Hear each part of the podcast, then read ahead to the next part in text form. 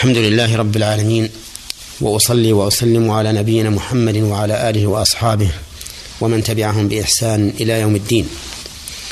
أما بعد أيها الإخوة المستمعون فهذه الحلقة الخامسة والسبعون من حلقات من أحكام القرآن. نبدأها بذكر الفوائد من الآية السابقة في الحلقة المتقدمة وهي قوله تعالى والذين آمنوا وعملوا الصالحات أولئك أصحاب الجنة هم فيها خالدون.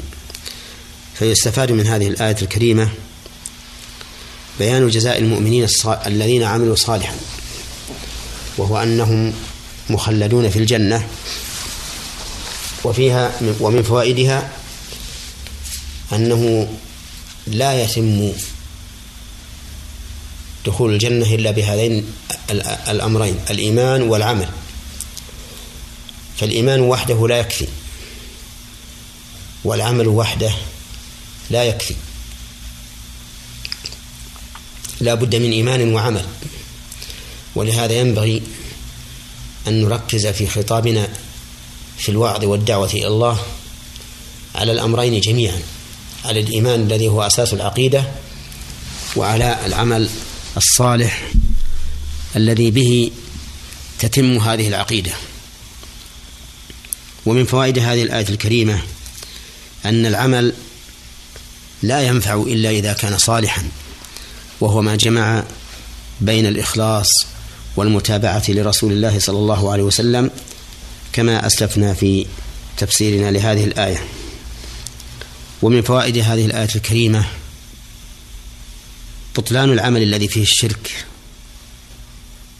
لأن الله اشترط لتأثير العمل واستحقاق الجزاء عليه أن يكون عملا صالحا.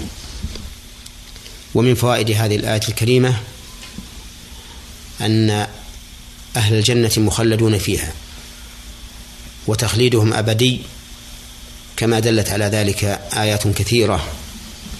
وأجمع عليه سلف الأمة. ثم قال الله تعالى وإذا أخذنا ميثاق بني إسرائيل لا تعبدون إلا الله وبالوالدين إحسانا وذي القربى واليتامى والمساكين وقولوا للناس حسنا وأقيموا الصلاة وآتوا الزكاة ثم توليتم إلا قليلا منكم وأنتم معرضون. قوله وإذا أخذنا ميثاق. الضمير في قوله أخذنا راجع إلى الله عز وجل وجاء بهذه الصيغة تعظيما لله لأنه سبحانه وتعالى يعبر عن نفسه أحيانا بصيغة الجمع وأحيانا بصيغة الإفراد. فالتعبير بصيغة الإفراد ظاهر معلوم لأن الله تعالى واحد والتعبير بصيغة الجمع للدلالة على العظمة. وذلك لأن ضمير الجمع تارة يراد به الجمع الذي هو العدد وتارة يراد به التعظيم كما في هذه الآية وإذا أخذنا ميثاق بني إسرائيل والميثاق هو العهد. وسمي ميثاقا لأنه توثقة بين المتعاهدين. وبنو إسرائيل هم بنو يعقوب ابن إسحاق ابن إبراهيم وهم أبناء عم للعرب لأن العرب من ذرية إسماعيل وبنو إسرائيل من ذرية إسحاق وإسماعيل وإسحاق أخوان أبوهما إبراهيم الخليل عليه الصلاة والسلام. هذا الميثاق هو أن لا يعبدوا إلا الله. لا يعبدوا ملكا ولا رسولا ولا حجرا ولا شجرا ولا غير ذلك مما سوى الله عز وجل. والثاني أن يحسنوا إلى الوالدين بالبر إليهما وعدم العقوق. والثالث أن يحسنوا إلى ذوي القربى بالصلة وعدم القطيعة.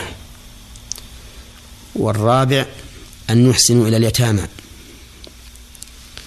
وهم الذين ماتت آباؤهم قبل أن يبلغوا. ويشمل الذكور والإناث من من اليتامى. والخامس الإحسان إلى المساكين. وهم الفقراء المعدمون. وسموا بذلك لأن الفقر أسكنهم وأذلهم فإن الفقر يوجب سكون الإنسان وذله. نسأل الله أن يغنينا بفضله عن خلقه. والأمر السادس أن نقول للناس حسنا. وهذا يشمل المخاطبة فيما بينه وبين الناس ويشمل ما يدعون الناس إليه من ما يكون شريعة بحيث لا يقول للناس إلا ما هو حسن ولا يكون المدعو إليه حسنا إلا إذا كان موافقا لشريعة الله. والسابع إقامة الصلاة أداؤها على الوجه الذي أمر الله به والثامن إيتاء الزكاة أي إعطاء ما يجب إعطاؤه من المال إلى أهله. ولكن هل هؤلاء الذين أخذ عليهم الميثاق هل قاموا بذلك؟ يقول الله عز وجل ثم توليتم إلا قليلا منكم والخطاب في قوله توليتم لبني إسرائيل الموجودين في عهد الرسول صلى الله عليه وسلم. إلا قليلا منهم فإنهم قاموا بهذا العهد وآمنوا بمحمد صلى الله عليه وسلم مثل عبد الله بن سلام والنجاشي عبد الله بن سلام من اليهود والنجاشي, والنجاشي من النصارى. فهؤلاء فهذان وأمثالهما ممن لم يتولوا بل قاموا بالعهد والميثاق على ما عاهدوا عليه وواثقوا عليه. ثم قال وأنتم معرضون. أي أنهم تولوا وهم معرضون. ليس في فيهم شيء من الإقبال على ما جاءت به أو على ما جاء به محمد صلى الله عليه وسلم. في هذه الآية فوائد وأحكام. منها بيان عتو بني إسرائيل. وأنهم مع العهود والمواثيق لا يفون ومنها من فوائد هذه الآية التحذير مما وقع فيه هؤلاء من مخالفة الميثاق وعدم الوفاء به لأن الله تعالى إذا ذكر أخبار من سبق فإنه لا يذكرها على سبيل التلهي بها والنظر المجرد ولكنه يذكرها عز وجل من أجل أن نعتبر بها وأن نأخذ منها عبرة كما قال الله تعالى لقد كان في قصصهم عبرة لأولي الألباب. ومن فوائد هذه الآية الكريمة أن الدعوة إلى الإخلاص في جميع الأمم لقوله لا تعبدون إلا الله. وهذه الدعوة جاء بها كل الرسل عليهم الصلاة والسلام كما قال تعالى ولقد بعثنا في كل أمة رسولا أن يعبدوا الله وأجتنبوا الطاغوت. وكما قال تعالى وما أرسلنا من قبلك من رسول إلا نوحي إليه أنه لا إله إلا أنا فاعبدون ومن فوائد هذه الآية الكريمة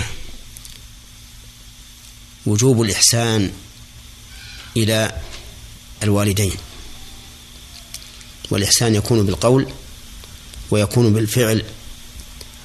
فالإحسان بالقول معناه أن يلي أن يلين الإنسان لهما قوله وأن يكون قولا كريما طيبا سمحا والإحسان بالفعل يكون ببذل المال وبخدمة البدن وغير ذلك مما يكون إحسانا. والآية مطلقة وبالوالدين وبالوالدين إحسانا. وليعلم أن حق الوالدين بالصحبة هي الأم. كما قال النبي عليه الصلاة والسلام حين سئل من أحق الناس بصحبتي قال أمك. قال ثم من؟ قال أمك. قال ثم من؟ قال أمك. قال ثم من؟ قال ثم أبوك.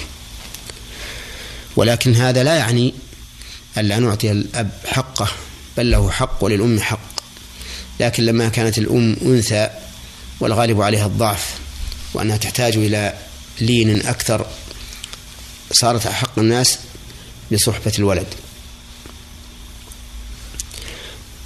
وسيأتي إن شاء الله في حلقة قادمة بيان بقية الفوائد من هذه الآية الكريمة. نسأل الله أن يرزقنا الإخلاص والمتابعة للرسول صلى الله عليه وسلم وأن يتوفانا على الإيمان إنه جواد كريم. والحمد لله رب العالمين. وإلى حلقة قادمة إن شاء الله تعالى.